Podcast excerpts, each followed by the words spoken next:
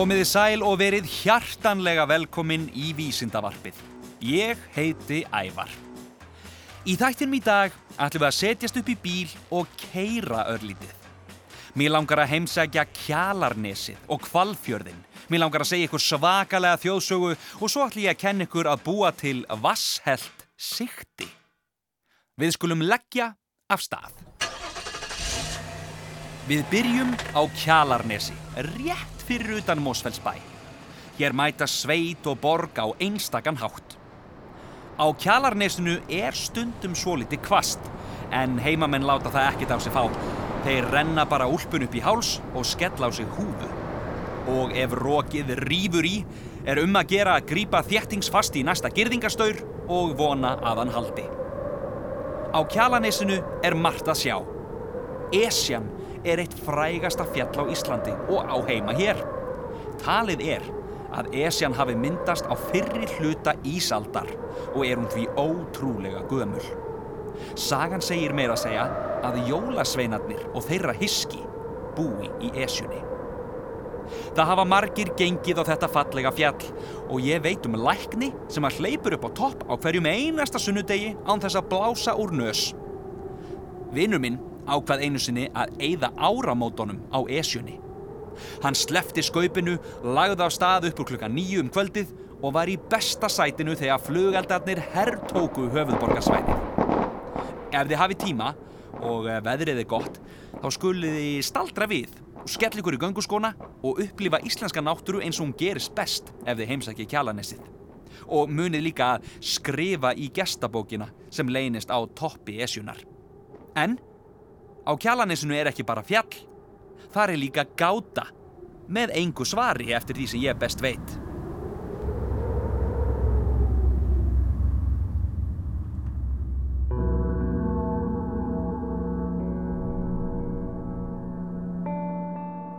Í lítilli malarnámu, rétt við esjuna, er stór steipuveggur sem búið er að teikna fjöldan allan af myndum á. Veggurinn er nánast eins og lifandi málverk og alltaf er einhver að laumast til að stækka listaverkið. Lífseigasta veggjakrótið er setningin Flatus lifir sem hefur staðið á veggnum svo lengi sem eldstu menn muna eða allavega síðan 1991. Engin veit hvað þetta þýðir eftir því sem ég best veit og sama hversu oft hefur verið málað yfir krótið þá kemur alltaf einhver og málar þessi orð aftur á veggin. Einu sinni var meira að segja skrifað Flatus lifir enn.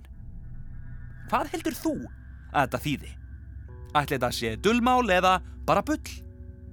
Einhver sagði mér að Flatus væri latína og þýtti prump. En ég selða ekki dýrara en ég kefti það. Ef þú ert á ferð eftir kjalanessinu, þá eru alla líkur á því að fyrr eða setna munuru keira í gegnum kvalfjarðargöngin. Það er alveg ótrúlegt að keira ofan í jörðina og hugsa með sér, nú er ég neðansjávar og ekki einu sinni bara neðansjávar, ofan í jörðinni, undir hafinu. Ef þér finnst gott að sopna á laungum ferðalögum, þá er ég með ágætis ráð til að sopna á með tíma. Hallaðu þér aftur í sætunu þínu og teldu ljósin í loftinu á kvalfjæðagöngunum. Þú sopnar eins og skot. En þú skalt samt alls ekki gera þetta ef það er þú sem ert að keira bílinn. Alls ekki. Dýfsti hluti kvalfjæðagangana er 165 metrum undir yfirborði sjávar, lengst ofan í jörðinni. 165 metrar. Til samanburðar má geta þess að lögadalslaugin er um tveggja metra djúb. En hvernig er það? Er bara engin vandi að grafa göng ofan í jörðina? Sko, það er hægara sagt en gert að grafa jarðgöng. Allar mælingar verða að vera hár nákvæmar og auk þess eru tækin og borarnir sem notuð eru við gerðgangana svo háþróuð að aðeins færustu sérfræðingar mega nota þau. Já, og uh, svo megum við auðvitað ekki gleyma sprengiefninu. Ég meina það þarf eitthvað einn að komast í gegnum allt þetta berg.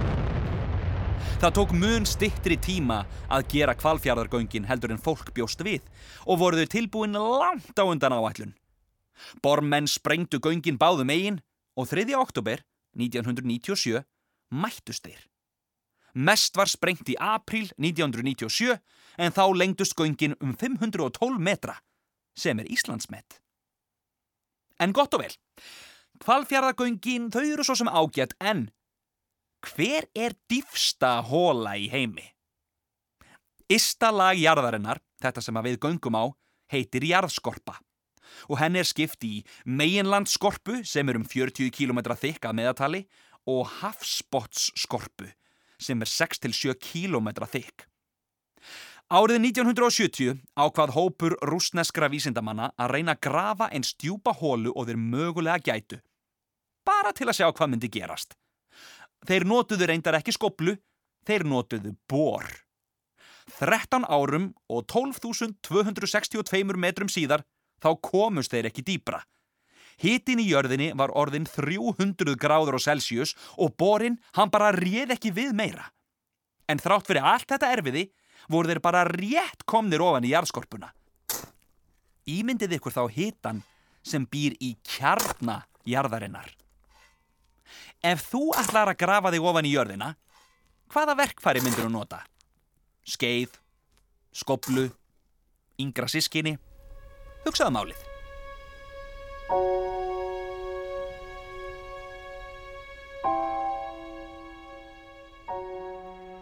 Á kjalarnesi má finna ymsa álagabletti. Það er að segja staði sem að tengjast álfum, huldufólki, dvergum, vættum og draugum. Sem dæmi má nefna álagablett á Klebergi fyrir neðan Kleberg skóla. Það er til draugasaga um Helguhól utan við bæin Gíl, það er huldufólk við Arnarholt og Borg sunnan Brautarholts, til eru dvergasögur tengdar dvergasteini vestan við Bakka, Árnesi og Ártúnsgljúfri og svo eru vættur við miðlóku. Það er því nöðsynlegt að vera á Varðbergi þegar ferðast er um kjalarnesið. Og ef þið langar til að lesa þessa sögur, sem ég myndist hérna á rétt af hann, þá mæli ég með því að þú náir þér í eintak af þjóðsögum Jóns Árnasonar. En fyrst skaltu auðvitað klára að hlusta á þáttinn. Við skulum vind okkur í tilraun sem að tengist svæðinu. Þessi tilraun heitir Vígalega Vasshelda Siktið. Til að kvalfjörðagöngin gegni sínu góða hlutverki sem göng verður auðvitað að passa að engin sjór geti lekið inn í þau. Og það er hægara sagt en gert að gera eitthvað vassheld. Til dæmis er nánast ómögulegt að láta sumar hugmyndir halda vatni. En hvað ef við tækjum eitthvað sem ætti undir öllum venjulum kringumstæðum að leka og gerðum það vassheld? Það sem þart í þessa tilraun er lítið sikti, 1 lítri af matarólíu, vatn í glasi, skál og vask. En hvað átt að gera? Jú, nummer 1. Haldu siktinu yfir vaskinum og prófa að hella vatninu í það. Vatnið rennur beint í gegn. Númer 2. Heldu matarólíunni í skálina og mynda að fá leifi til að nota matarólíuna vegna þess að hún verður ekkit sérstaklega gyrnilega eftir þessa tilraun. Númer 3. Legðu siktið varlega ofan í ólíuna í skálinni alveg upp að brúnum. Númer 4. Taktu siktið gætilega upp úr ólíunni og færðu svo ólíuborðið siktið varlega yfir vaskin. Númer 5. Heldu síðan vatninu afar hægt og rólega úr glasinu ofan í siktið. Hvað gerist? Siktið er orðið vasshelt. En hvers vegna? Jú, ólían loðir við siktið og fyllir upp í öll götin. Óli og vatn blandast ekki saman, heldur hrindir ólían vatninu frá sér og kemur þannig veg fyrir að það nái að renna í gegnum götin. Þú getur gert samanburðatilraun, þú getur prófað að hella vatninu hraðar ofan í siktið. Hvað gerist? Og er kannski einhver munur á því hvort þú notar heitt eða kalta vatn? Prófaðu. Hafðu samt í huga. Þetta er eina af þessum tilraunum sem krefst þess að maður þrýfi vel eftir sig. Notaðu sápu þegar þú þrýfur ólíuna úr vaskinum og passaðu þig að nota ekki of heitt vatn. En býðum nú aðeins við. Bökkum örlítið. Hvað ef við tökum ekki kvalfjörðagöngin? Hvað ef við bökkum, beigjum til hægri, það er að segja ef þú ert að keira út úr bænum og kíkjum á kvalfjörðin? Áður en kvalfjörðargöngin komið til sögunar var mikil umferð í kvalferðinum en núna er vegurinn þar svolítið eins og leinileið í gömlum skógi. Ferðin verður örlítið lengri en um leið örlítið meira spennandi. Hér er heil haugur af áhugaverðum hlutum. Fossin Glimur er í Bottsdal, innst í kvalferði. Glimur er hæsti foss Íslands og er fallhæð hans 198 metrar sem er jafn hátt og rúmlega tvær og hálf Hallgrímskirkja. Svakalegur foss hér á ferðinni. Bottsdalurinn er fallegur dalur, skói, vaksin og tilvalinn til lautarferða. Ef þið eru á ferðinni, setni part sumars eða að hausti, þá er þetta fullkominn staður fyrir berjatýnslu. Passið ykkur bara að týna ekki lambaspörð, það kemur fyrir á bestu bæjum. Og fyrir þau ykkar sem vitið ekki hvað lambaspörð eru, lambaspörð eru Það, það er gamalt, flott íslenskt orð yfir lamba kúk. Í kvalfyrði er líka spennandi síning í kringum hernámið í kvalfyrði í setni heimstýröldinni. Hernámsetrið er staðsett að hlöðum. Þið ættu öndilega að kíkja við ef þið eru á ferðinni. En býðu nú aðeins við, hvers vegna í óskubónum er hernámsetur í kvalfyrði? Jú, Ísland var nefnilega hernumið í setni heimstýröldinni. Fyrst af bretum og svo af bandaríkjamönnum. En það er landið vel staðsett fyrir siglingar um norður Allandshafið. Þess vegna lögðu bandamenn, það er að segja bretar og bandaríkjamenn, mikla áherslu á það að ná Íslandi á undan þjóðverjum sem voru hægt og bítandi að leggja undir sig Evrópu. Á áránum 1940 til 1945 var flotastöð bandamanna innst í kvalfyrði, þar sem kvalstöðun er núna. Og oft á tíðum var fjörðurinn fullur af skipum. En þetta er ekki það eina sem er sögulega stórmerkilegt við kvalfjörð. Talið er að sjúkdómurinn svartidauði hafi borist til Íslands með skipi sem kom í Maríuhöfn í kvalfjörði í byrjun 15. aldar. Að öllum líkindum barst smitið með klæðum Íslendings sem dó úr sóttinni á hafi úti en föttin voru afhenda ættingum hans. Svarti dauði var skjelvileg drepsótt sem feldi rúmlega helming íslensku þjóðarinnar. Muniði áðan, þegar ég var að tala um þjóðsögundar sem tengdust kjalanesinu, kvalfjörður ánefnilega líka alveg einstaklega góða þjóðsögu og ég, ég eiginlega verða að segja ykkur hana. Hún heitir Íllkvelið í kvalfyrði. Skuggalega tónlist. Takk. Einu sinni var maður sem gerði álfkonu ólétta.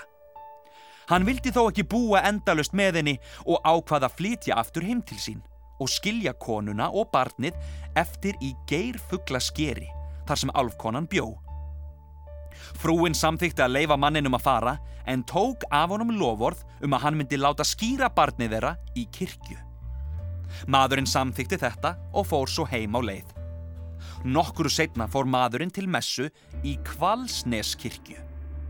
Þar stóð vakka úti fyrir kirkjudýrónum og í hennu brefmiði sem ástóð Sá sem er fadir að barni þessu mun sjá um að það verði skýrt. Manninum döð brá og hann tók þá skrítnu ákvörðun að þykjast bara ekkert kannast við barnið. Og það hefði hann ekki átt að gera. Álfkonan byrti skindilega, greip vögguna með barninu og kvarf. Eftir þetta varð maðurinn óður og hljóp af stað til sjávar. Hann hendi sér fram að bergi, skalli ískaldan sjóin og breyttist umsvifa laust í kval. Maðurinn hafði verið með rauða hett á höfðinu þegar hann stifti sér í hafið og var kvalurinn því kallaður Rauð höfði. Rauð höfði varð mikið skrýmsli og sagt er að hann hafi grandað 19 skipum millir Seltjarnanes og Akranes. En sagan er ekki öll. Prestur í Sörbæ á Kvalfjörðarströnd misti síni sína tvo í kjaft íllkvelisins og fannst nóg komið. Eitt daginn staulaðist hann niður í fjöru með dóttur sinni og ætlaði hann á aðtikli rauðhöfða. Hann stakk stafnum sínum í ólgandi hafið og beigð. Skyndilega sá dóttir hans hvar kolsvört rák tók að myndast í sjónum út í fyrðinum. Það var nánast eins og stór fiskitorfa væri þar á svamli. Þetta var rák sem fariðist nær og nær. Þetta var illkvelið. Presturinn bað dóttur sína um að leiða sig inn með fjörunni og viti menn, illkvelið fyldi á eftir. Þegar þau voru komin innst í fjörðin, þar sem bots á fellur í hann, bað presturinn dóttur sína um að leiða sig upp með anni. Við þetta varð illkvelið alveg brjálað og syndi upp ána á eftir þeim. Það gekk þó að ýmsu því áin var vasslítil og kvelið gríðar stórt. Gljúfrið sem áin fellur eftir fram af botsheiði var svo þröngt að allt hristist og skalf þegar rauð höfði ruttist áfram. Er hann komst loks upp fossin, hristist jörðin eins og í mesta jarðskjálta og það glumdi í berginu. Af því dregur fossin napsitt og heitir síðan glimur og hæðirnar fyrir ofan fossin heita skjálfandahæðir. Presturinn helt ótröður áfram og hætti ekki fyrir hann var komin upp í vatnið sem Botsá fellur úr, sem í dag er kallað kvalvatn. Rauðhöfði hamaðist sem mestan mátti og komst loksins út í vatnið. En það gekk þó ekki betur en svo að hann sprakk af áreinslunni. Síðan hefur ekki orðið vart við hann, en samkvæmt þjóðsögunni hafa kvalabein fundist við kvalavatn sem þykja sanna þessa sögu. Af prestunum gamla var það svo að frétta að hann stöylaðist tilbaka með dóttur sinni og voru allir þakkláttir fyrir afrekið. Og að lokum önnur tilraun sem tengist beint þessari sögu. Tilraunin heitir Upp, upp, mitt vatn. Þjóðsagan um hvalin Rauðhöfða er ein af þeim skemmtilegustu sem þjóðsagnasafn Jóns Árnasonar geymir. Og því geti rétt ímyndið ykkur hvaða er óhugulegt að hafa risastóran hval á hælánum, hvað þá upp heila á. Þessi saga myndi mig á einfalda en mjög skemmtilega tilraun sem ég gerði einu sinni þegar ég var lítill.